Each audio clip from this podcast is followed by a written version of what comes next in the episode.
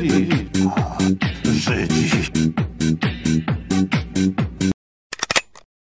Dzień dobry, witam Państwa w cotygodniowym. Patrzę na dźwięk, czy się nagrywa. Coś mi zasłoniło? Tak, teraz widzę, świeci się lampa nagrywania. W przeglądzie złych wiadomości. Dzisiaj nietypowy przegląd, gdyż nie będziemy się zajmować sprawami ogólnoludzkimi, polskimi naszymi. E, pojedziemy za granicę w związku z wakacjami. E, wynika to z tego, że nic się nie działo. Naprawdę, w tym tygodniu nic się nie działo w Polsce ciekawego, to po sprawami węglowymi, ale to nikogo nie obchodzi. W związku z tym zapraszam dziś Państwa na specjalny odcinek, zapowiadany zresztą w zeszłym tygodniu, poświęcony tylko i wyłącznie okupowanej Palestynie, zwanej też Izraelem. Zacznijmy od tego, że sam Izrael, e, wyjazd do niego jest dość dużym przeżyciem dla wielu osób. Wiele osób mówi o tym, że sam wyjazd, e, sama próba wyjechania do Izraela jest dość dużym kłopotem, gdyż są trzy na lotnisku w miejscach wyjazdowych i w miejscu docelowym, e, którym jest lotnisko pod Tel Awiw, mieście będącym do niedawna stolicą Izraela. Eee, no więc chwilowo tak się nie dzieje. Nie ma trzepania, nie ma osobistych, nie ma wyrywania stron z paszportów, tak jak to się często zdarzało. W sensie w historiach różnych podróżników można znaleźć takie opowieści, że na przykład przekraczali granicę od strony egipskiej i na przykład pan starszy Polak został wychwycony przez e, pana strażnika granicznego izraelskiego, zaproszony do pokoiku. E, był tam pierwszy raz, ale oni tam mieli wszystkie dane na jego temat, w związku z tym pytali go, co robił na przykład w Syrii 30 lat wcześniej wcześniej, co robił w Iraku 40 lat wcześniej. E, takie to państwo jest policyjne, bardzo mocno tam skonstruowane i faktycznie to nie są żarty, bo faktycznie to jest państwo policyjne. E, tutaj należy wspomnieć na przykład o tym, że będąc tam na miejscu, e, w, dzielnicy żydowskiej, taki duży pasaż z torami tramwajowymi przez środek przechodził. E, myślę, że większość tych rzeczy, które mówię, będę ilustrował wideo z tamtego miejsca, e, nie podając e, informacji o tym, że ilustrowane jest wideo, żeby po prostu Państwu nie przeszkadzać w słuchaniu narracji mojej dotyczącej tego wspaniałego kraju, jakim jest okupowana Palestyna, zwana też Izraelem. W każdym razie, pasaż centrum miasta, w dzielnicy żydowskiej, co 200 metrów stoją policyjne suki, stoją radiowozy, na bombach, bez sygnału, to ciekawe, w sensie istotne i całkiem rozsądne. Przecież nie chodzi o to, że w trakcie relaksu, jaki zapewniany jest w ten sposób Izraelczykom mieszkającym e, w dzielnicy żydowskiej w Jeruzalem, bo tam byłem przez cały czas. E, Tel Awiw odwiedziłem tylko i wyłącznie przez parę sekund, e, lądując i startując, żeby zakłócały te syreny życie spokojne miejscowych mieszkańców. W związku z tym syren nie ma, są tylko bomby i w związku z tym jest bardzo, ale to bardzo bezpiecznie w Izraelu. Wielbicielom broni spodoba się tam na pewno, gdyż wszyscy Izraelici mają broń. Palestyńczycy, którzy tam mieszkali dłużej niż Izraelczycy, zostali w jakiś sposób no, zajęci tematem Izraela w ciągu ostatnich kilkudziesięciu lat, nie mają możliwości posiadania broni, tak żeby schodzić z nią na ulicy. E, w efekcie na przykład Kanary w tramwajach mają broń, żołnierze mają broń, policja ma broń, jacyś ludzie wyglądający na cywili też mają broń, to nie są tajniacy. E, do czego zmierzam? Jest bardzo bezpiecznie, jest dużo broni. E, ta broń jest używana powszechnie. W chwili, kiedy tam byłem, jakiś Palestyńczyk szedł ze śrubokrętem ulicą, e, no i to się wydało bardzo niebezpieczne służbom tamtejszym, policji, wojsku, w związku z tym go zastrzelili. Być może szedł montować komuś kablówkę albo szkoda antenę jakoś poprawić, no ale już nie doszedł, w związku z tym nie dowiemy się, gdzie on właściwie szedł. To oczywiście wynika z licznych zamachów, jakie mają ciągle miejsce na terenie Palestyny i Izraela. E, gdyż Palestyńczycy no, nie lubią, w sensie nie podoba mi się to, że są okupowani i źle traktowani. A jak są źle traktowani, o tym za chwilę powiem, bo to jest, myślę, clue tematu. E, tak dodam jeszcze, że się obawiałem zacząć ten program, gdyż wyjeżdżając stamtąd, jadąc tam miałem takie nastawienie, może jadę do kraju jak każdy inny, mam przecież doświadczenia z Łodzi, z Izraelitami, historia mojego miasta pokazuje jacy są, że są sklepikarze, super, fajni ludzie, dowcipni, szabasowe świece, E, wchodzisz do sklepu i po prostu jesteś zaciągany do kupna rzeczy, których nie potrzebujesz, ale wychodzisz szczęśliwy z tym że właśnie, czyli po prostu geszeft, e, kultura, muzyka, e, kuchnia i tak dalej, i tak dalej. No i na miejscu tego wszystkiego nie było. Przede wszystkim sklepy żydowskie okazują się bardzo niesympatyczne dla intruzów z zewnątrz, być może dla intruzów z wewnątrz także.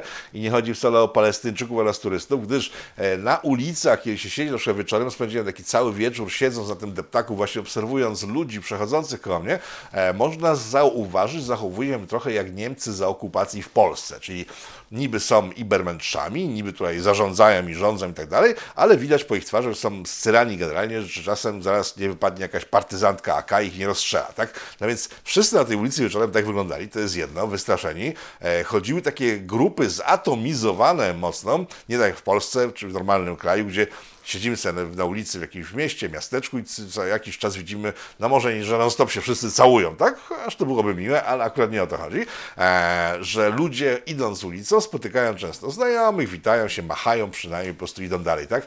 Tam przez parę godzin tego nie zauważyłem, po prostu dopiero po kilku dniach gdzieś w innej dzielnicy, która już też jest zajęta przez, przez Żydów, e, faktycznie miały takie sytuacje miejsce, ale na, tej głównym, na tym głównym dotaku nie, przez dobre parę godzin.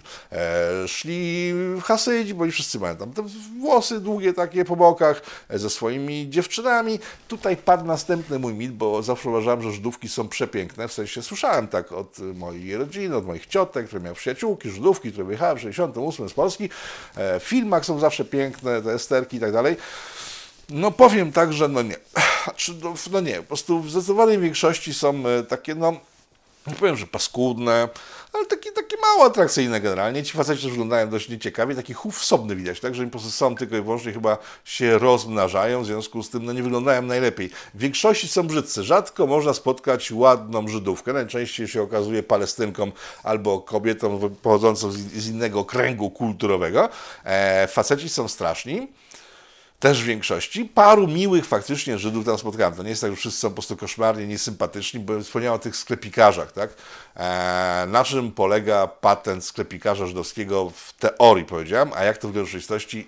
Wchodziłem do różnych sklepów, e, szukając różnych rzeczy, a to potrzebowałem, nie wiem, jakiegoś kosmetyku, a to potrzebowałem e, jakiejś, jakiejś innej rzeczy. E, I wchodzę do tych sklepów stricte żydowskich, napotykałem zawsze tą samą sytuację, e, że była niemiła, niesympatyczna obsługa, e, w najlepszym wypadku taka niechcąca spotkać się z kimś, kto chciałby coś u nich kupić, co w ogóle było strasznej kontrze od tego, co wiedziałem wcześniej, nie wiem, ale słyszałem tylko i wyłącznie z opowieści e, pochodzących z Polski na temat sklepikarzy izraelskich. Taki przykład e, z, z dużej sieci, która u nas też jest izraelskiej, zajmującej się kosmetykami właśnie. E, wchodzę do środka, widzę dwie Żydówki, które coś tam rozpakowują na półki, są dwa metry ode mnie, mówię dzień dobry, hello, hi, i cisza. Nikt nawet nie obejrzał. Okej, okay, myślałem, zajęte są. W sensu nie jestem aż taką gwiazdą, że mnie tam już rozpoznawali, w związku z tym nie miałem z tym problemu, tak? No ale wchodzę dalej, widzę jakiś młody chłopak, też wykłada coś na półce i mówię, pytam go, gdzie jest to, czego potrzebuje, mówiąc mu, czego potrzebuje, a on po prostu nawet się zwracając mówi tak, tam. No tak, ale tam to jest wielki sklep. Kilkaset metrów kwadratowych sklepu i nie wiem, gdzie to jest tam. W związku z tym poprosiłem go, że mi pokazał, gdzie to jest tam. On niechętnie bardzo odszedł do tych zajęć swoich, polegających na tym, że po prostu metki sprawdzał, w sensie, czy są dobrze zawieszone. To była jego robota. E, no i przeszedł ze mną do tej części sklepu, która miała być tam, po czym powiedział tu i zostawił mnie przed y, czterema różnymi półkami. Nie wiedziałem do końca, gdzie tego szukać, ale to jest takie no, coś, takie podejście no, mało marketingowe, które też w innych sklepach e, żydowskich, co ciekawe, zauważyłem. E, w sklepie takim spożywczo-monopolowym, w którym kończyłem codziennie sobie wieczór, bo wstawałem o 6 rano, wracałem o gdzieś 11, 12, więc przed, przed, przed snem sobie siadałem z piwem e, izraelskim albo palestyńskim, nie wiem, ale względem lokalnym, testowałem sobie, e, na zdjęciu chyba te chwili piwo się pojawia, e, no to tam po czterech dniach, jak zobaczyli, że wracam ciągle, no to zaczęli się uśmiechać i nie to, że jakaś rozmowa była, ale generalnie już by zaczęli traktować, traktować milej. E, być może to jest kwestia tego, że tam długo przebywać, żeby się zasymulować jakiś, jakoś z tamtymi ludźmi, ale jak wspomniałem o tej ulicy pełnej ludzi zatomizowanych, którzy są, nie rozmawiają wzajemnie, e, to tak to wygląda całej części zajętej przez Żydów, co jest e, dużą kontrą do tego, co można zobaczyć w dzielnicy palestyńskiej, do której za chwilę pewnie przejdę, bo nie można przecież powiedzieć o okupowanej Palestynie bez opowiedzenia o Palestynie. Pewnie narzucicie ten film, to jest sytuacja właśnie z tego deptaku wieczorem, kiedy atomizowane i zatomizowane i atomowe postacie poruszają się, nie mówiąc nikomu szalom, dzień dobry, lahaim, tylko po prostu przechodzą, gadając tylko ze sobą, matki z dziećmi, e, mężowie z włosami i z kobietami z dziećmi, białokoszulowi mężczyźni z włosami, e, chodzący grupami, oni ze sobą się nie kontaktują. E, I obok mnie i mojej towarzyszki siadł sobie Arab, młody, E, zaczęliśmy z nim rozmawiać, się okazało, że jest jakiś dziwnym Arabem, bo generalnie no dość prosty chłopak, to jest pierwsze. E, poza tym był zachwycony Izraelem, tak? To był pierwszy Arab, którego tam spotkałem, który był zachwycony Izraelem, w związku z tym, że był zachwycony tak strasznie tym Izraelem, ale sobie nie mieli do powiedzenia tego, że jest zachwycony, no to odpuściliście sobie kontakt z tym człowiekiem i nagle zaczęła się sytuacja, którą widzicie pewnie na filmie w tej chwili.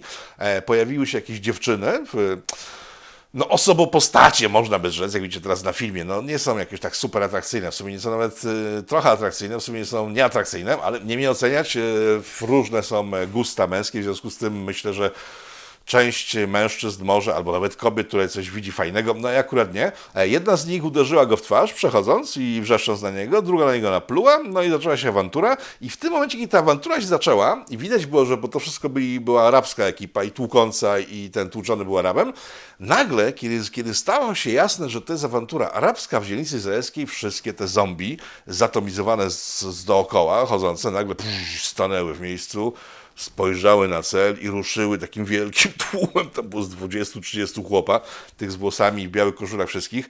Nie nosiłem tam białej koszuli, że po prostu, nie wiem, nie dostać nożem od kogoś, tylko z kolei nie lubi tych chłopaków w białych koszulach, więc y, taka, taka, taka, taka, taka ucieczka moja może trochę od y, przyszłości bez y, skór, które mi gdzieś tam nad w miarze występują. E, tłum zombie ruszył, i naprawdę brakowało takiego momentu, sekundy, bo oni zaczęli po prostu z bliska, tak po prostu dość doszli blisko do, do, do, tej, do tej tłukącej, tłukącej się w grup, grupki Arabów. I myślę, że po prostu jeszcze chwila wystarczyłoby jakieś wstrzyknięcie i to by eksplodowało. Eksplodowałoby tam się złe rzeczy stały. Tak jak wspomniałem, tam co 200 metrów stoi radiowo, w związku z tym błyskawicznie pojawi się policja. Wszyscy się rozeszli, łącznie z Arabami, e, ale ten moment, kiedy oni się tak nagle zgrupowali, tak po prostu pstryk, ok? E, może się nie znamy, może nawet się nie lubimy za bardzo, ale w chwili, kiedy pojawia się zagrożenie albo coś, co nam się nie podoba, coś obcego na naszym terenie, co wzbudza e, zaniepokojenie, tłumnie ruszamy razem. Później się rozeszli, tak pojawili po prostu jak zombie we wszystkich możliwych stronach, nie mówiąc sobie, nie, to jest szalom, dzień dobry, lachaim i tak dalej, i tak dalej, i tak dalej. Dziwna sytuacja, dziwne poczucie siedzenia tam i patrzenia na tłum ludzi, których y, łączą stroje, pewnie i kultura, e, ale przede wszystkim łączy nienawiść do ludzi, którzy są ich sąsiadami w tym przypadku. Myślę, że jakby ktoś obcy z zagranicy coś takiego zrobił, e, też być może do tego by doszło, ale dziwna sytuacja była, powiem szczerze, taka trochę niepokojąca. Wtedy tak tego nie odbieram, ale teraz patrzę, że to może być niepokojące, kiedy połowa miasta wypełniona jest ludźmi czekającymi na sygnał z centrali. Pierwszego dnia po wylądowaniu spotkałem, bo tak jak mówię, jechałem tam z dobrym nastawieniem, nie wiem, czy to mówiłem, jeżeli nie mówiłem, to, ale chyba nie powiedziałem w szerszym aspekcie, że ja jechałem tam z pozytywnym nastawieniem, tak, bo to miałem tam kulturę całą żydowską, muzykę, kuchnię i tak dalej, i tak dalej, to tam z tego nie było, e, bo kuchnia żydowska nie, przynajmniej w Jerozolimie nie występuje, tak, e, i kiedy mówiłem coś o Izraelu, o polityce Izraela, to słyszałem często w Polsce, że pojedź tam, to się przekonasz na miejscu, że jest całkiem inaczej i wtedy po prostu wróci i będziesz opowiadał, tak? No to pojechałem, tak? Fakt, że pojechałem do Jerozolimy jest problemem dla tych samych osób, które mówią, że tam w ogóle pojechał. Mówią, a nie, to Jerozolima to jest inne miasto, całkiem pojdź do Tel Awiwu, tam jest prawdziwy Izrael. Whatever. Wracając do tematu, jechałem tam z dobrym nastawieniem, tak, bo tak sobie myślałem, no i mnie bardzo, bo wi wiadomo, że wiedza każdego z nas jest ograniczona, e, a wie, na wiedzę nachodzą jeszcze takie rzeczy, które trochę ją wypaczają, powodując, że wygląda ona lepiej, mimo że ją mamy, to ubieramy ją w takie, przynajmniej w moim przypadku tak jest, nie wiem jak u Was, ubieramy ją w jakieś takie, no, filiki kogoś e, lubimy, ładne kolory, kiedy kogoś nie lubimy, w nieładne kolory, jako że po prostu nie ma stosunków grani takich e, międzyludzkich, że lubię albo nie lubię, po prostu obserwuję. No więc jechałem z taką, no przecież okej, okay, no przecież nie może być tam tak strasznie, jak piszą różne media, bo przecież to jest Izrael, tak? To jest, to jest, to jest miejsce, w którym mieszkają nasi pobratymcy, co nam w sensie Polacy, bo to jest też kolejna legenda polska, że tam pojechali e, polscy Żydzi, którzy po, po polsku tylko i wyłącznie mówią e, i tam w gruncie rzeczy polski jest takim trzecim językiem po w idisz, po w arabskim to polski. Nie, w tej chwili jest tam rosyjski trzecim językiem i nawet tabliczki na mieście, w tym w Jerozolimie, są trójjęzyczne. Jest arabski, żydowski e, oraz rosyjski. To już jest oficjalne. E, przyjechała tam masa Żydów z Rosji w ciągu ostatnich 30 lat. Część z nich widziałem, no to oni nie wyglądali na Żydów, nawet nie ubierali się jak Żydzi. Nie gadali po żydowsku, gadali tylko po rosyjsku i generalnie wyglądali jak stiepy gdzieś z Zauralu. No ale oni głosują na partię rządzącą, która w ciągu ostatnich ostatnich dwóch dekad z rozmów, które przeprowadziłem na miejscu, wynika, że mocno zmieniła politykę izraelską, gdyż do zamachu na Peresa, to był taki Szymon Peres, prezydent, premier, jakiś tam wysoki urzędnik izraelski, który tam pokojowo z Arafatem gadał i tak dalej, próbowali ustawić sobie stosunki. Kiedy on zginął, ponoć się polityka zmieniła, zresztą to widać na ulicach i zaczęła się ostra jazda, mająca na celu wypchnięcie Palestyńczyków jak najdalej od siedzib izraelskich, a jako, że siedziby izraelskie pojawiają się systematycznie co chwila, jak tam byłem w ciągu tych paru dni, e, media poinformowały o rozpoczęciu budowania 150 nowych osiedli żydowskich na terenie palestyńskim. O czym zaraz powiem, może od razu powiem. Na czym polega teren palestyński? Przejdźmy chwilę do Palestyny. Wrócimy już do tematów żydowskich na pewno, bo jesteśmy w końcu w Izraelu, e, czy jak to woli Palestynie okupowanej przez Izrael. W trakcie paktów w ciągu minionych dziesięcioleci, które miały spowodować, że między obiema nacjami, czyli mieszkającymi tam od wieków Palestyńczykami oraz nowo przybyłymi Izraelitami zapanuje pokój, e, były różne układy pokojowe i w trakcie tych układów stwierdzono, że potrzebna jest taka niepodległa Palestyna tym wszystkim e, i tą Palestynę, bo jesteśmy teraz w Palestynie, na zachodnim brzegu dokładnie, w Gazie nie byłem, e, mamy ten zachodni brzeg Palestyny, który jest podzielony na trzy strefy, w sensie takie centra, jak, jak słoneczko się rozchodzą, tak? Jest centralna A, jest B taka naokoło i później jest C. E, w C władzę pełną sprawuje Izrael, tam mogą mieszkać Palestyńczycy. W B jest tak pół na pół. E, kwestie bezpieczeństwa, w sensie policyjne, wojskowe, tam też może Izrael wjechać. Generalnie jest to przez palestyńskie władze. E, które w Ramallach się mieszczą. Byłem tam, bardzo sympatyczne miejsce, takie europejskie, klimatyzacja, porządne marmury, internet, generalnie po prostu mega wypas. E, I to jest ta strefa A, tam gdzie, tam, tam, tam, tam, gdzie są władze palestyńskie, jest ta strefa A. No i tam po prostu już w pełni jest zarządzane przez Palestyńczyków. I tam w centrum tej strefy jest tak, jest czysto, porządnie, bezpiecznie, są fajne knajpy, trzy razy tańsze od tych w strefie izraelskiej. Tyle w skrócie o strefie A. Strefa B jest przejściową między strefą C a strefą A. W związku z tym, jak opiszę strefę C, to będziemy wiedzieli więcej, co się dzieje w strefie B. E, strefa C jest ziemią niczyją tak naprawdę, e, gdyż Izrael wbrew umowom międzynarodowym, które podpisał, podpisał je z państwem palestyńskim, e, nie sprząta tam, operuje tam tylko wojskowo, jest tam brud z brudu bóstwo, ludzie się wrodzają masowo, tam po prostu nie można przeżyć, tam są jedynie szroty samochodów, a nie tak jak u nas, że można wiem, wyjąć jakąś lampę, kupić i tak dalej, tylko to są szroty e, pełne spalonych samochodów, które są wyciągane na drogi w chwili, kiedy Izrael wkracza za muru, który otacza całą, całą tą autonomię palestyńską. Tak? W związku z tym, jak wspomniałem, jest tam bardzo źle, jest e, brzydko, jest brudno, jest niebezpiecznie, więc ludzie się stamtąd wyprowadzają, a kiedy już się wraca do strefy B, Wtedy Izrael stwierdza, ej, no przecież tu jest pusty teren, który można świetnie zagospodarować. W związku z tym pojawiają się e, osadnicy z USA, bo to w większości są ludzie z USA, e, którzy przyjeżdżają. Państwo Izrael przenosi sobie mur o tą strefę, w której już nie ma Palestyńczyków, bo się wnieśli, bo po prostu się żyć nie dało, e, równa wszystko z ziemią, sadzi kwiatki, stawia domy i osadza tam osadników. W związku z tym Izrael systematycznie pcha się do przodu i zawęża życie Palestyńczyków, których jest więcej niż Izraelitów, ale tak Izraelitów mało co obchodzi. Posterunki, ostra broń, nie ma żartów. E, dyplomaci powiedzieli mi, że na posterunku lepiej się jednak zatrzymać, sensie zatrzymać się należy w ogóle, ale nie odjeżdżać bez pytania żołnierza lub pani w mundurze, czy można już jechać, bo zdarzały się przypadki, że jakby czekano na to, że ktoś po kontroli zacznie odjeżdżać bez pozwolenia i wtedy się strzela. No i parę osób już nie żyje w związku z tym, część chodzi z przebitymi kulami kręgosłupami taka sytuacja na granicy już e, samego muru, który jest arcyciekawym rozwiązaniem architektonicznym. Kiedy zaczął powstawać dobre parę lat temu, pamiętam, że zrobiłem taki materiał o tym, że Żydzi znowu zamykają się w getcie, co spotkało się wtedy z jakąś taką odrazą wielu odbiorców mówiących, że jestem antysemitą, no ale tak to trochę wygląda, bo oni się zamykają w gettach, oni lubią getta. To, co mówią o miastach, w sensie o Jerozolimie, tam o dzielnicy żydowskiej, to trochę wyglądało tak, jakby e, ci ludzie, e, żyjąc w miastach europejskich, wśród różnych ludzi, wśród różnych kultur, nauczyli się, jak się żyje w mieście, przenieśli do europejskie miasta do Palestyny, zamieszkali w nich, tylko że brakuje im sąsiadów, tak? Po prostu tak to trochę wygląda, że nauczyli się żyć gdzieś i nie potrafią żyć u siebie. W związku z tym jest to zaniepokojenie, o którym mówiłem, trochę wytłumaczalne. Wracając jednak do getta i do muru. Mur jest bardzo ciekawą rzeczą, wyobraźcie sobie taką sytuację, bo tak skrótowo wam opiszę, o co właściwie, jakie problemy on stwarza. Mieszka pan albo pani na przykład, nie wiem, w Krakowie, tak? A ma pracę w Wieliczce. Chociaż to nie jest dobry akurat przykład, ale oddaje tak szeroko systematykę.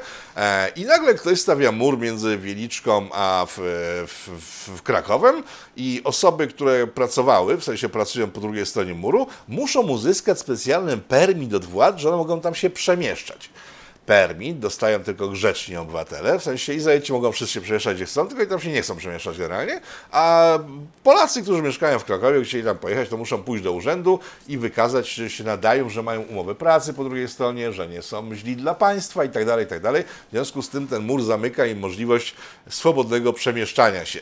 W sferze takiej osobistej, która myślę bardziej może zobrazować, jak to wygląda, e, mieszkam w miejscu A, w tym, w którym teraz mieszkam, mam sąsiadów 200 metrów stąd, nie, moja ciotka, brat, wujek, e, stryjenka, kochamy się, przyjaźnimy, czasem się kłócimy, ale lubimy się ze sobą spotykać, tak?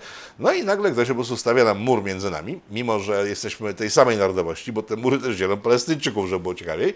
E, te mury wyglądają w większej części jak autostrady, bo to są autostrady, czyli autostrada, po dwóch stronach jest mur, tu jest Palestyna, tam jest Palestyna. Jeżeli ktoś mieszka po tamtej stronie, chce pójść do cioci na tamtą stronę, to musi pojechać 50-60 km do najbliższego checkpointu, który sobie przejedzie i drugie 60 jest u babci, która mieszka od niego 200 metrów. E, jest to dość upierdliwe, nie? Jeżeli weźmiemy pod uwagę, że na przykład studnie też e, tak są oddzielane od miejscowości palestyńskich, no to wiem, co się może dziać. Studnia, 200 metrów, nie pójdziesz do studni, bo jest autostrada albo droga, albo po prostu mur jest pociągnięty. Co ciekawe, w strefie izraelskiej, jak się dojeżdża do samej granicy w pa Palestyny, te mury wyglądają bardzo ładnie, one wyglądają jak ściany dźwiękowo-szczelne, takie jak u nas na autostradach nie wzbudzają jakiegoś wielkiego popłochu, lamentu. Tak Izraelczyk jadąc tamtędy nawet nie zdaje sobie sprawy w większości przypadków, że po drugiej stronie też żyją ludzie, no bo ma te ściany dźwiękoszczelne. Im dalej od dróg, tam te mury wyglądają o wiele gorzej. E, zaczynają przypominać właśnie mury obozu koncentracyjnego, ewentualnie getta. Wracając do problemów, tak, jest to dość duży problem w przemieszczaniu się dla ludzi, więc dlatego też wyprowadzają się z tych terenów.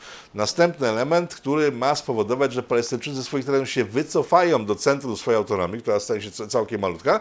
I wtedy, jeżeli wycofają stamtąd, to tamte ziemie zostaną oczywiście, nagle się okaże, że są e, zielone, żyzne, można mur zlikwidować i będą osiedla żydowskie, których tam jest od groma i trochę.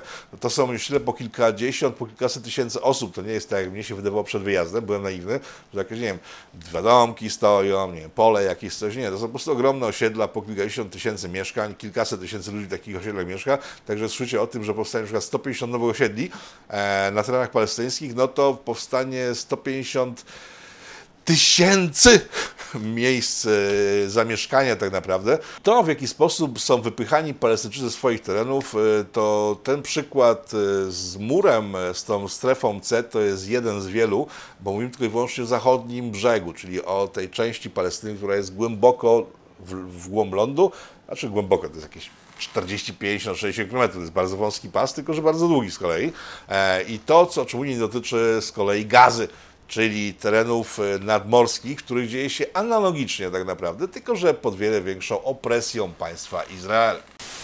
W strefie gazy na przykład dochodzi do sytuacji, to Orla Straż z kolei pomaga tym ludziom. E, Orla Straż, z którą budujemy szkołę, ja wiem, że ciągle mówię materiale o szkole, szkoła już prawie stoi. Jak tylko się skończy budowa, to robimy e, duży program o tym, co się właściwie tam udało zrobić. I bardzo dziękuję wszystkim, którzy wpłacali na szkoły e, w Iraku, bo one powstały, w sensie jedna w finale powstaje, tylko o wiele większa niż planowaliśmy i o tym, o tym materiał będzie. I ta sama Orla Straż pomaga rybakom palestyńskim w strefie gazy, gdyż mają ten problem, że mają łódki, tak?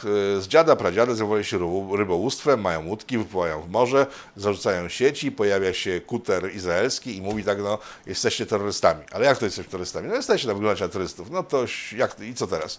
No co, no potniemy wam sieci, wrzucimy cały sprzęt do wody, łódki podziurawimy i po prostu no, wpław do domu sobie pojęcie, tak? I ci ludzie wyciągają ręce do zachodu, żeby ten dał pieniądze na nowe łódki, które są znowu dziurawione i tak dalej, i tak dalej, i tak dalej. To jest jeden z elementów, które e, powoduje, że Palestyńczycy no, nie mogą lubić Izraelczyków. Którzy chyba nie nauczyli się, mieszkając przez setki lat w świecie zachodnim, że sąsiad to jest ktoś, kogo się traktuje sympatycznie, wtedy jest dla ciebie sympatyczny i można funkcjonować. Ktoś powie, Palestyńczycy nie chcą tam Żydów, chcą ich wymordować. No tak nie było od początku. Owszem, teraz jest mnóstwo różnych, mniej lub ostrych frakcji, bo jeżeli chodzi o strefę zachodnią, czyli, czyli o ten brzeg zachodni, e, tam jest Fatah, czyli taka kiedyś ostra organizacja anty, antyizraelska, która w tej chwili jest skorumpowana i kolaboruje z Izraelem w najlepsze, zarabiają pieniądze ogromne. Powiem tak, takie fury jak w tej strefie A, tej wolnej strefie palestyńskiej, e, stoją pod urzędami, pod domami i tak dalej, no to są dobre samochody, o wiele lepsze niż te, którymi przyjeżdżają do nas Ukraińcy. Tak, także tam jest bogato, w tej strefie jest naprawdę bogato, a to bogactwo wynika właśnie z tego, że Fatah, które teoretycznie powinno być antyizraelskie, kolaboruje z Izraelem i bogaci Palestyńczycy naprawdę dobrze tam funkcjonują i mają wyrąbane na tych y, biednych Palestyńczyków, bo to też trzeba zauważyć, że sami Palestyńczycy są podzieleni między sobą właśnie w związku z różnym podejściem do życia. Ci, którzy kolaborują, żyją dobrze, ci, którzy nie kolaborują, no, idą ze śrubokrętem poprawić antenę i nie wracają do domu, tak? Gaza. W Gazie jest ta sama sytuacja ze studniami, tak powiedziałem, likwiduje się rybaków jako takich, żeby nie mieli z czego żyć. E, Pamiętacie ostatnie wydarzenia w Gazie, kiedy to wysadzono w powietrze budynek, w którym mieścił się media? No Gaza to jest takie miejsce do bombardowania. No ale ona jest do bombardowania, bo ona bardzo Izraelczyków denerwuje. I z bardzo prostego powodu, ona strasznie jest kosztowna. Nie to, że tam inwestują jakieś pieniądze, które po prostu przepadają w związku z tym, że inwestycje są nieudane, tylko chodzi o rakiety, słynne e, rakiety Hamasu. Rakieta Hamasu w porywach, bo to jest rura wypełniona jakimiś tam rzeczami, które mają eksplodować sobie i to ma polecieć, w sensie musi być paliwo, więc po prostu do wylecenia, no w porywach kosztować może 500 dolarów. To jest poryw taki maksymalny. Ale w związku z tym tych rakiet można zbudować od cholery i trochę, tak? I kiedy się Hamas denerwuje na Izrael, e, albo jest taka potrzeba polityczna, bo to też często się zbiega tym, że Izrael potrzebuje nagłego ataku, na przykład przed wyborami, żeby pokazać, że rząd działa, tak? No to nagle startują rakiety, setki rakiet ze strefy gazy w kierunku Izraela, tych po 500 dolarów, a z drugiej strony startują te wszystkie patrioty i inne, ta słynna kopuła żelazna nad Izraelem i lecą te rakiety, strącają wszystkie te pociski palestyńskie, tylko że o ile rakieta palestyńska kosztuje 500 dołków, o tyle rakieta izraelska kosztuje parę milionów dołków. W związku z tym y, przy takiej jednej akcji Izrael nagle e, wyrzuca z siebie zapasy broni za nie wiem, miliardy dolarów, no i zaczyna być ta sytuacja taka, że gdyby była no, kolejna fala e, rakietowa ze strefy gazy, no to wtedy byliby w głębokim pośladku e, i cała ta żelazna kopuła, no, na niewiele by się zdała. Tak? W związku z tym oni wtedy jadą do USA i mówią, że tu się hajs skończył i potrzebują rakiety i tak to po prostu sobie trwa, ale generalnie wydatki związane z strefą gazy są ogromne, militarne, zabezpieczające Izrael przed Palestyńczykami ze strefy gazy. Gdyby się dogadali, a to nie jest takie wykluczone, w sensie teraz już jest wykluczone, bo pojawiło się nowe pokolenie w Izraelu, tak w Polsce mamy nowe pokolenie. E, młode pokolenie nie pamięta 89 roku, nie pamięta Gorego Stołu, nie wie kim był Wałęsa, w sumie to patrzę na Wałęsę jak no, zabytek jakiś. Wałęsa w Palestynie jest bardzo szanowany.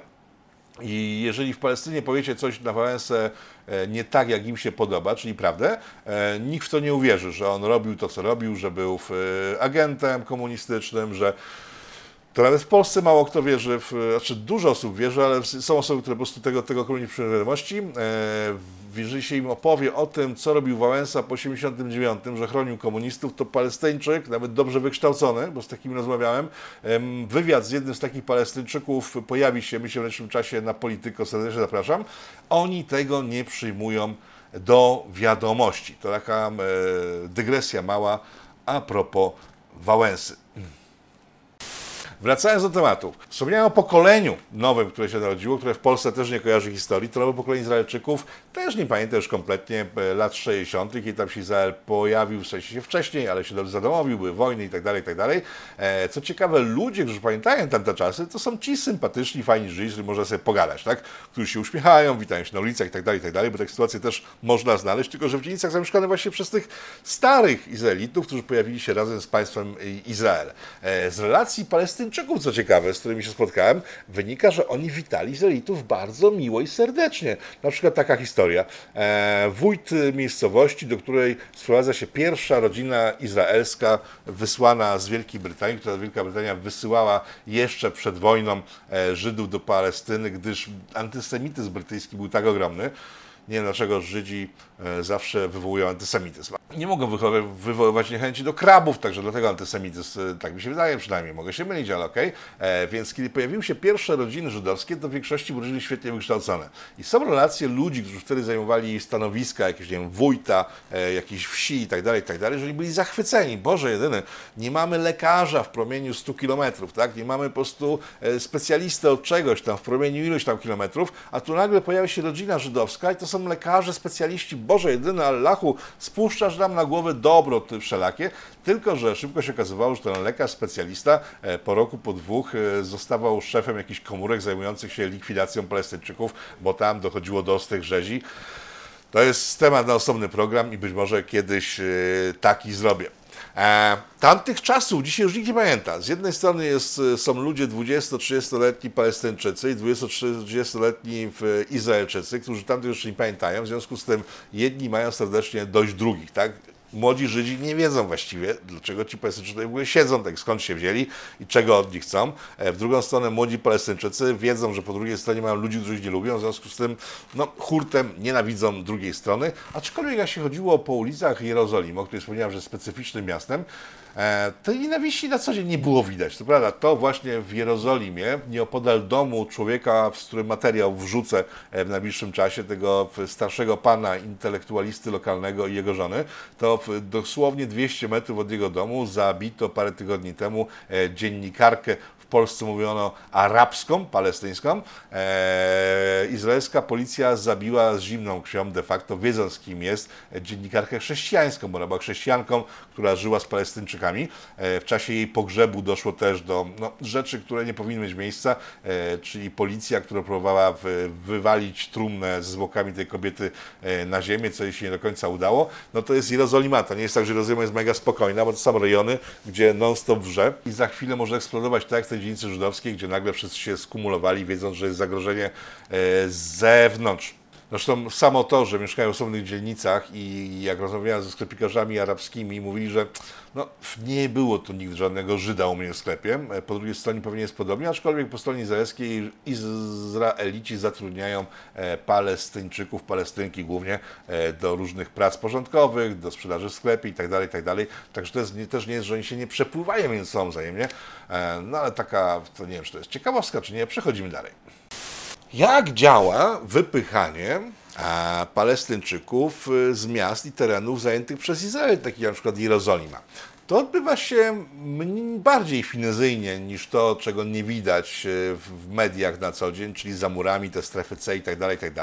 E, Po wejściu do Palestyny Żydzi stwierdzili, że to są ich ziemie. No w sumie jak się tworzy kraj, to wiadomo, że to jest ich ziemia. E, W związku z tym wszystkie umowy, które mieli uchodźcy przed wojną, którą wywołał Izrael w latach 40. ci uchodźcy uciekali do Jordanii, uciekali wszędzie tak naprawdę do e, Bejrutu, do Syrii, właśnie do Jordanii, która została później zajęta w właśnie kolejnej wojny przez Izrael. I ci uchodźcy już dostali miejsce zamieszkania w ówczesnej Jordanii, znaleźli się w strefie izraelskiej, mieli umowy z państwem jordańskim. E, Dziś tego państwa już tam nie ma i państwem jest Izrael. I Izrael za, ma różne sposoby na to, żeby się pozbyć ze swojego terenu. Jakie? No to posłuchajcie. Pierwszy, to fala była pierwsza, jest pierwszy taki sposób, który jest ciągle jest uskuteczniany, jest taki, że w środku nocy, o trzeciej w nocy e, podjeżdża pod wasz dom e, czołg albo jakiś transporter e, z wojskiem, wchodzą do waszego domu i mówią, że wiecie co, już tutaj nie mieszkacie, weźcie się zabierzcie najlepiej na zewnątrz, poza bramę, pakujecie się więc po prostu szybciutko, żeby zostać zastrzelonym, jak się stawiacie, jesteście zastrzeleni, już tutaj się musicie stawiać, nawet nie możecie za bardzo, wychodzicie przed dom, a tam stoi nówka sztuka, rodzina Żydów z USA, która sobie wchodzi do waszego domu i zaczyna tam mieszkać, jak gdyby nigdy nic, bo w świetle prawa izraelskiego ta ziemia izraelska od tysiącleci, w związku z tym e, należy się Żydom. Tak? To jest jeden ze sposobów, w których czasem się leje krew, czasem nie, ale generalnie lądujecie na ulicy. Jeśli jesteście bardziej łebscy i na przykład pójdziecie do sądu, bo to też nie może odbyć bez wyroku sądu, to macie przed sobą długoletnie procesy, w trakcie których są takie próby wywalenia was stamtąd, ale jednak sąd musi podjąć wyrok ostateczny, który was stamtąd e, no, eksploduje, wyrzuci, wyprowadzi z równowagi często, ale na ulicę e, na pewno. Ale dopóki nie macie tego wyroku, jesteście na terenie Izraela. Wasz dom stoi na terenie Izraela, w związku z tym komu płacicie czynsz od domu, w którym mieszkacie od dziesięcioleci? A często nawet dłużej, tak w przypadku na przykład y, lokali na Starym Mieście w Jeruzalem, y, w których bywałem i także mówię o takich sytuacjach jak poza murami płacicie czynsz Izraelowi. E, co może zrobić Izrael? Izrael podnosi czynsz po prostu tak, żebyście nie musieli go płacić, bo nie będzie go na was stać. W związku z tym, że was nie stać, no to jest eksmisja wtedy, tak? Bo nikt nie powiedział, że czynsz musi wynosić określoną sumę, może wynosić tyle, na ile was właśnie nie stać. To jest drugi sposób pozbywania się Palestyńczyków ze, ze swojego terenu. E, trzeci ze sposobów, który jest nieużytkowany, to jest kupno terenów palestyńskich przez Żydów, tak? Tutaj weszły te organizacje palestyńskie, spowodowały, że to jest niemożliwe, gdyż jakikolwiek Palestyńczyk sprzedający ziemię Żydom, dom Żydom itd., tak itd., tak natychmiast kończy w worku na zwłoki i jest e, po nim cisza. Także ta droga jest niemożliwa do przeprowadzenia. E, no i takie są mniej więcej sposoby pozbywania się ludzi, którzy mają tam nie mieszkać na terenie Wielkiego Izraela, który byłby wielki, gdyby nie to, że ma straszne kłopoty demograficzne. I teraz tak, jeżeli rozmawiałem na przykład z Janem Wójcikiem, z którym się pewnie spotkamy a propos Izraela, bo myślę, że jest świetnym rozmówcą w tym temacie, wiedzą doskonale Izraelczycy, że nie mogą stworzyć dwóch państw osobnych, na tym terenie, czyli palestyńskiego Izraela, bo demograficznie Palestyńczycy ich po prostu wysiudają. Jedno państwo to samo, demograficznie ich wysiudają, bo po prostu Izraelczyków jest mniej. W związku z tym ściągają tam ciągle nowych ludzi. I tu ciekawostka, e, Palestyńczycy nie mają socjalu, e, a Izraelici mają, ale tylko do momentu przybycia na teren Izraela. Czyli jeśli na przykład jedziecie tam w wieku 20 lat, bo się o Boże, jeden jest fajnie po prostu pobiegać ze spacami i chce być Żydem od dzisiaj, bo takie rzeczy się zdarzają i są bardzo popularne. To nie jest tak, że tak kiedyś trzeba było być Żydem, żeby tam zamieszkać, wystarczy po prostu uznać się za Żyda, tak jak można się uznać za kobietę będąc mężczyzną i tak dalej, i tak dalej. Przyjmą każdego, byle tylko zasilił im demograficznie e, ich strukturę. Do czego zmierzam? 20-latek jadący tam, no, dorobi się emerytury. 50-latek już słabiej. I często jest tak, że ci starzy Żydzi przyjeżdżający e, z USA i innych miejsc do Izraela, no, klepią biedę i to nie jest rzadko spotykane. A jeżeli chodzi o Żydów przyjeżdżających tam do Izraela z takiego kraju jak USA, to poza tymi, którzy są osadnikami, są też tacy, którzy nie żyją. Nie żyją, gdyż umarli, ale to jest Jerozolima. W Jerozolimie jest, jak wiecie, Góra Oliwna, tam się Jezus spotyka ze swoimi chłopakami oraz innymi tłumami wyznawców na Górze Oliwnej. To wynikało z tego, że ona była zaraz za murami miasta, te mury ciągle istnieją, e, zaraz była ta, taka dolinka mała, Góra Oliwna, tam z tyłu po prostu była sobie pustynia i ciągle ta pustynia jest. I tam się spotykali. Dzisiaj ta Góra Oliwna jest najstarszym e, i największym cmentarzem żydowskim na świecie. Powód jest taki, że w tej dolince u podnóża Góry Oliwnej e, ma się objawić Mesjasz, który zbawi wszystkich Żydów, poprowadzi ich po prostu do, ku dobremu e, i w związku z tym, żeby być jak najbliżej tego Mesjasza, kiedy on się tam kiedyś pojawi w przyszłości, E, kiedy matka już nie będzie siedziała z tyłu, e, bogaci Żydzi z USA płacą miliony dolarów, żeby tam zostać pochowanymi. Tak? I tam jest po prostu mnóstwo grobów milionerów, miliarderów płacanych za grube miliony, bo jak się Mesjasz pojawi, to wtedy oni z tych grobów zostaną wyciągnięci i będą stanowili nową elitę nowego świata. A czy wiecie, my chrześcijanie wiemy, że Mesjasz się pojawił, oni tam przypalają hajs bez sensu i po prostu kupują sobie e, w groby w miejscu, gdzie nic się nie wydarzy w przyszłości. E, z drugiej strony jednak mamy e, cmentarz arabski, który też ma, on jest pod samymi murami Jerozolimy, on jest pod murami, w których jest brama zaczopowana przez Arabów, kiedy zajęli Jerozolimę po krzyżowcach. Tam tą bramą przechodził Chrystus na swoim małym osiołku, zmierzał tam 2000 lat temu, żeby spotkać się w finale z Piłatem e, i dać sygnał całemu światu. No więc pod tą bramą zamurowaną jest cmentarz analogiczny jak żydowski, może trochę mniejszy, ale, i tu cały czas jesteśmy, żeby Was nie myliło, że to jest jakaś wycieczka, robię krajoznawczą e, i odbiegł od tematu, bo też ma dużo wspólnego z wysiedleniami. E, ten cmentarz znajduje się dokładnie po drugiej stronie cmentarza izraelskiego, żydowskiego, gdyż jest ta sama legenda. Tyle, że tam ma się pojawić Allah, no i może nie ma zbawiać świata, tylko ma sądzić świat. Wiadomo, że Allah jest dość nerwowym typem, w związku z tym jak się pojawi tam, to będzie sądził cały świat, y, kary, winy itd., tak itd. Tak no i z drugiej strony jest ten cmentarz y, arabski pod murami Jeruzalem. E, do czego zmierzam? Otóż ten cmentarz arabski prawdopodobnie nie przysporzy wyznawcom Allaha zbawienia w postaci sądów Allahowego, gdyż prawdopodobnie wkrótce zniknie.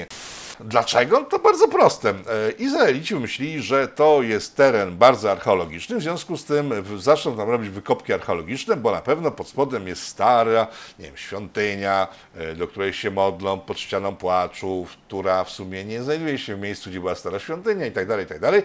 Pod pretekstem archeologicznym e, chcą zlikwidować cały ten cmentarz i kopać sobie w dół. W analogiczny sposób postąpili e, z dzielnicami arabskimi, palestyńskimi, które znajdują się z boku ściany płaczu, bo ściana płaczu, jak się patrzy na górę oliwną, e, stojąc plecami do miejsca, w którym Chrystus e, wbrykał na osiołku do Jerozolimy, idąc sobie w prawą stronę, później, później za rogiem jest ściana płaczu, w sensie brama do ściany płaczu, zwana bramą gnojną i naprzeciw tej ściany płaczu Żydzi zrobili dokładnie to, co planują zrobić na cmentarzu arabskim, Czyli e, wywalili stamtąd osiedle palestyńskie, dość spore, zaczęli kopać i ku zdziwieniu wszystkich po prostu się dokopali, tak? Ruiny jakieś mówią, że to jest, są stare ruiny Salomona, nasze dzielnie sprzed tysięcy lat. Tak twierdzą archeolodzy izraelscy. Archeolodzy nieizraelscy twierdzą, że to są jakieś resztki konstrukcji w- rzymskich, czyli dość świeże tak naprawdę. I nawet jak się patrzy na nie, to one wyglądają na dość świeże, w sensie na rzymskie. No może 2000 lat, od kiedy to Rzymianie stamtąd zniknęli, niecałe, ale jednak, zaraz się czepi szczegółów, to nie jest dla wielu osób krótki okres, ale tak patrząc na życie człowieka, też może nie, ale tak historycznie to, to nie jest jakiś strasznie długi okres, w związku z tym te ruiny rzymskie są dość świeże, na pewno nie należą do starej Jerozolimy, za którą płaczą Izraelici. Zresztą kwestie tego, co jest starą Jerozolimą i co jest w kulturze miejscowej żydowskiej stare i święte, są dość płynne. Bo na przykład wspomniałem Wam o tej bramie, przez którą Jezus, osiołek wchodzili e, na swoją ostatnią drogę, e, przed którą to jeszcze jedli ostatnią wieczerzę. E, w tamtym miejscu przez całe stulecia Żydzi mieli swoją ścianę płaczu, tak? Tak, tam się właśnie mieściła ściana płaczu, ale w końcu stwierdzili, że jakoś tam coś im nie pasuje generalnie. Nie wiem dlaczego, mieli blisko przecież z kolei do Dolinki, w której miał Mesjasz się pojawić, więc po prostu płaczesz. E, Mesjasz stwierdza, no dobra chłopaki, to jadę do Was, pojawię się za plecami, hura, jest fajnie. Nie wiem dlaczego to nie pasowało, ale im nie pasowało. W związku z tym stwierdzili, że muszą poszukać nowego miejsca na ścianę płaczu i sobie znaleźć takie nowe miejsce, tylko problem polegał na tym, tak, to jest dokładnie to miejsce, o którym myślicie, jeżeli kojarzycie, że jest ściana płaczu, którą Żydzi płaczą teraz i to jest święte miejsce, to jest dokładnie tam. Problem polegał na tym, że wokół tej ściany płaczu, przy tej ścianie płaczu, która dzisiaj jest ścianą płaczu, wcześniej nie była ścianą płaczu, tylko była zwykłym murem miejskim, w sensie staromiejskim, ale jednak murem, e, tam istniała dzielnica marokańska, dość spora. Było mnóstwo domów marokańskich, mnóstwo rodzin marokańskich, pewnie osiołki marokańskie były, no co jeszcze Marokańczycy mogą mieć. Haszysz mają, ale to pewnie nie mieli, bo to przecież to nie można tak sobie haszyszu mieć po prostu. A może i mieli, whatever. E, generalnie było tam mnóstwo Marokańczyków. I w związku z tym, że powstał pomysł, żeby ta ściana płaczu znajdowała się gdzie indziej niż tam, gdzie się nie podobało do tego momentu, to z tymi Marokańczykami zrobiono dokładnie to samo, co teraz się robi z Palestyńczykami od kilku dekad, czyli najpierw ich wysiedlono, Następnie całą tą dzielnicę zaorano, zlikwidowano, nie zostawiano po niej śladu. Wszystko wyłożono płytami, tak widzicie teraz w telewizji, bo to, jest, to, to wygląda stare bardzo, ale to nie jest bardzo stare. No i tam są parkingi dla autobusów, jest dużo miejsca, są poidełka i tak dalej, i tak dalej. Tam nie można filmować, za to można dostać w lampę. Jak widzicie na ekranie, pewnie mnie się udało pofilmować, bo nie widziałem, że można dostać w lampę. No i to jest to miejsce. Tak oni podchodzą do historii. Pasuje, no to tutaj w takim razie jest coś starożytnego, mimo że istnieje niedługo całkiem, ale w, nas, w naszym przekonaniu jest starożytne, w związku z tym jest święte, więc wszyscy dookoła wypad. E, te osiedla wokół Jerozolimy tak są właśnie niszczone, pod pretekstem prac archeologicznych, e, między innymi. No generalnie życie Palestyńczyków tam jest e, przerąbane. Wspomniałem o tym, że w Izraelu przestępcą może być każdy w dowolnym momencie, tak. Y, Jest ogromne więzienie, do którego się przyjeżdża jadąc do Ramallah, y, do strefy palestyńskiej i w tym więzieniu siedzą, co ciekawe, głównie Palestyńczycy. Po prostu stanowią ogromną większość siedzących w tym więzieniu, gdyż uwaga, prawo izraelskie stanowi, że e, w dowolnym momencie może do Ciebie przyjść służba jakaś, nie wiem, policja, wojsko, ktokolwiek do Ciebie przyjdzie i powiedzieć tak, chłopaku, dziewczyno, wydaje nam się, że stanowisz zagrożenie dla państwa Izrael, bo tylko tyle wystarczy. Stanowisz zagrożenie dla państwa Izrael. I w świetle takiego prawa można zamknąć dowolną osobę na dowolny czas tak naprawdę, bo nawet jeśli są jakieś limity czasowe, to wystarczy kogoś tak wezwać do siebie, mówiąc tak, jesteś wolny? Ora, lachban! Ej, o, już jesteś niewolny, zaczyna się nowy okres kadencji twojej w więzieniu i siedzą ci ludzie tak długo, aż zmiękną i przestaną być ekstremistami. Przy okazji, e, od dziecka słyszałem i teraz jak po powrocie rozmawiam z parą osobami, to część osób kojarzy takie powiedzenie e, miotać się jak Żyd po pustym sklepie. E, Część z Was na pewno kojarzy, tak? Nie wiem jak Wam, ale mi się zawsze kojarzyło po prostu z kimś wpadającym w amok bez powodów, e, z tym, że ograbiono go, nie ma towaru, nie wie co z tym zrobić, no generalnie, że coś złego się wydarzyło w życiu tego Żyda, że on po prostu pląsa po tym sklepie właśnie jak Żyd po pustym sklepie. To jest ten element wieczorny, o którym mówiłem, kiedy sobie siadałem z piwem, tam była taka opuszczona knajpa w tej ulicy, w której mieszkałem, tam były takie stoliki, barek, sobie siadałem i sobie patrzyłem przed siebie i któregoś dnia rano sobie wyszedłem, już bez piwa e, i naprzeciw mnie zobaczyłem otwarte, uchylone drzwi od jakiegoś sklepu. To chyba jakaś burgerownia była, chociaż nigdy nie była otwarta, ale jakieś takie buły były e, na okładce witryn. E, I tak patrzę, że jest otwarte okno, że tam w środku jest Żyd, nie, 30-40 lat może, taki duży. Yy, nie wysokościowo. Jeżeli chodzi o wzrost, w ogóle przez cały czas byłem najwyższy w całej Jerozolimie. W obu dzielnicach raz spotkałem kogoś mojego wzrostu. Bardzo niscy ludzie generalnie. E, Taka, taka, taka, takie, takie spostrzeżenie. No więc e, tamten Żyd szykował się do modlitwy, to było widać, czyli oczywiście wszystkimi paskami, zakładał te ciuchy specjalne do modlitwy, na głowę sobie założył taki czujnik, który do nieba kieruje się, żeby tam spotkać się bliżej z Bogiem. I chwili, kiedy to wszystko założył na siebie, nagle, znaczy w odbiorze moim, zewnętrznym, tak, dostał furii. Zaczął wrzeszczeć, biegać po tym sklepie i się zdecydowałem, że on się modli, że to jest jego forma modlitwy. Także taki mit mi pada, że Żyd po pustym sklepie to nie jest Żyd, który po prostu dostał furii, bo nie wiem, albo jest zagubiony, albo jest przerażony i tak dalej. On po prostu się modli.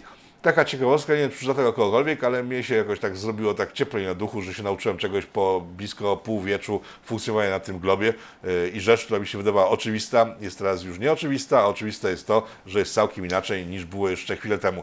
Taka ciekawostka, nie wiem, czy się komuś przyda, to powiedziałem, nie będę się powtarzał jeszcze raz. Nie wiem, czy komuś to przyda. Czy polecam taką wycieczkę? Tak, polecam. Eee, póki jest to możliwe, w tej chwili, jak powiedziałem, nie ma żadnego obostrze, można sobie spokojnie wjechać, w związku z tym, że tam był Dawid, e, w mieście Dawida był Dawid, whatever, w kraju Dawida był Dawid. E, są duże niedobory na lotniska, w związku z tym kontrole praktycznie nie istnieją. E, są bardzo proste. E, pustynia, która się rozciąga za Jerozolimy jest przepiękna. Tam mieszkają Beduini, którzy, no powiem tak, chciał mi jeden sprzedać swoją kuzynkę na żonę. Nie skorzystałem, bo mi się z nim nie dogadał. E, nie pokazał fotooferty, mówi tylko, że może ją sprzedać, tak? E, Tam ludność w większości jest niepiśmienna, nie potrafią czytać, pisać, tak? To są analfabeci. To są Beduini, którzy po prostu żyją tam na tej pustyni, e, pasąc kozy, zrobią na turystach i tak dalej tu mam chustę, którą od niego kupiłem, że miał na następną kozę.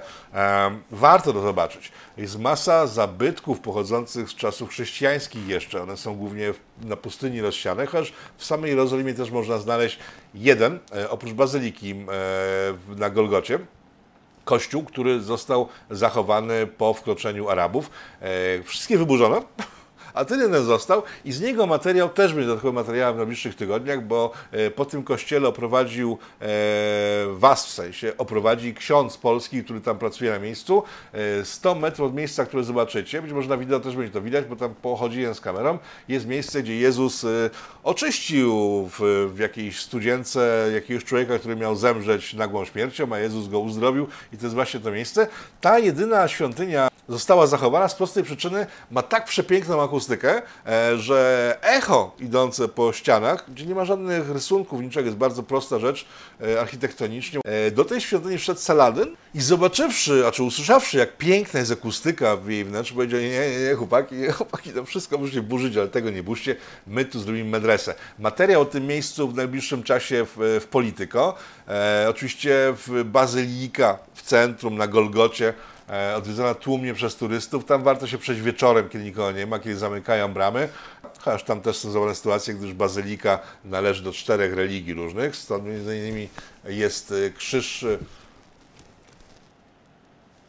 jerozolimski, który łączy te wszystkie religie w jednym miejscu, to jest jeszcze różna inna symbolika. E, To jest jeden z tych elementów, które kupiłem nie chcąc w ogóle, ale uważam, że dobrze zrobiłem, właściwie przechodząc koło sklepu arabskiego. E, I tam na przykład trwa wojna między chrześcijanami, ale taka kulturalna wojna, czyli e, są katolicy, są grekokatolicy, są koptowie itd., itd. I wszyscy urządzają sobie msze w tym samym czasie, w tym samym miejscu. W związku z tym trwa taka bitwa na głosy, którą warto posłuchać sobie, bo zaczynają katolicy ze swoimi psalmami itd., itd. dalej. Na szczęście mają organy, jak mówią, które zakrzykują pozostałych. E, Wchodzą głośni grekokatolicy i ci koptowie i tak dalej, i tak dalej. Także warto zobaczyć te msze, bo one są prze, a czy zabawne, są bardzo ciekawe po prostu. Także warto tam pojechać, zobaczyć to wszystko, e, zobaczyć przede wszystkim, jak ci ludzie myślą, tak? Bo to jest naprawdę, my siedząc w Polsce, myśląc o Żydach, myślimy w sposób, który już nie funkcjonuje, tak jak powiedziałem. Tam nie ma tych Żydów z Polski. Oni, jeżeli już nie wymarli, to za chwilę e, poznikają. E, Izrael stał się mocno rosyjski, jeżeli chodzi o obcokrajowców wyznania, którego nie wyznają tak naprawdę. Polecam generalnie. Jak sobie coś przypomnę jeszcze z tego wyjazdu, bo tam masa rzeczy się wydarzyło tak naprawdę, ale to najistotniejsze ja Wam po prostu sprzedałem, o co najwięcej chodzi i jak to wygląda, to może zrobię jakiś osobny program jeszcze, E, ale myślę, że na tym warto skończyć, bo w sumie takie najważniejsze rzeczy Wam powiedziałem. No i tyle. No. I na tym kończymy wakacyjne pitu, niespodziewanie zajmując się tylko i wyłącznie okupowaną Palestyną e, i Izraelem. Bo tak jak mówiłem, u nas na razie się nic nie działo, w związku z tym była okazja, żeby zająć rzeczami, które zobaczyłem sobie na żywo dzięki Wam, bo to dzięki temu, że ten kanał jest e, przez Was sponsorowany, taka wycieczka mogła mieć miejsce. Mam nadzieję, że informacje Wam się spodobały, mam nadzieję, że materiały wideo też Wam się spodobały. Jest tego cała masa jeszcze dodatkowo tych materiałów. Zobaczę, może się uda jakoś jeszcze wykorzystać. E, Pytanie, które miałem zadać na samym początku programu. Ten tydzień nie jest wyjątkiem. Poprzednie tygodnie potwierdzają to, że naprawdę nic się nie dzieje i że nie będziemy robili dalej pitu w starym stylu, to będziemy non stop mówili o tym samym tak naprawdę. A powiem szczerze, mi się to trochę nudzi, bo to ile może się śmiać z tych samych żartów, to nie są śmieszne, tak? Ja byłbym bardzo wdzięczny, gdybyście mogli napisać w komentarzach pod tym materiałem wysłać mi na przykład, nie wiem, e, e, spostrzeżenia takie mówiące, w którym kierunku polityka mogłoby pójść, żeby dalej było dla Was interesujące. Bo ja rozumiem, że polityka nas interesuje, geopolityka interesuje, programy w- środkowo-tygodniowe zostają w ogóle bez problemu, ale samo PIT-u, czy jakaś zmiana konwencji tego programu wchodzi w grę, czy podoba się Wam tak, jak to w tej chwili wygląda. Tego rozsądnie, ok? Nie, że będziemy nadawać z Marsa. No chyba, że na tyle uzbieramy. E, dziękuję Wam bardzo za spotkanie dzisiejsze. E, życzę Wam spokojnego wieczoru. No i do zobaczenia w takim razie. E, Jestem ciekaw Waszych opinii na ostatnie pytanie. Do zobaczenia wszystkim. No, Pani też. Pa. Żydzi. No Żydzi, Żydzi. Żydzi.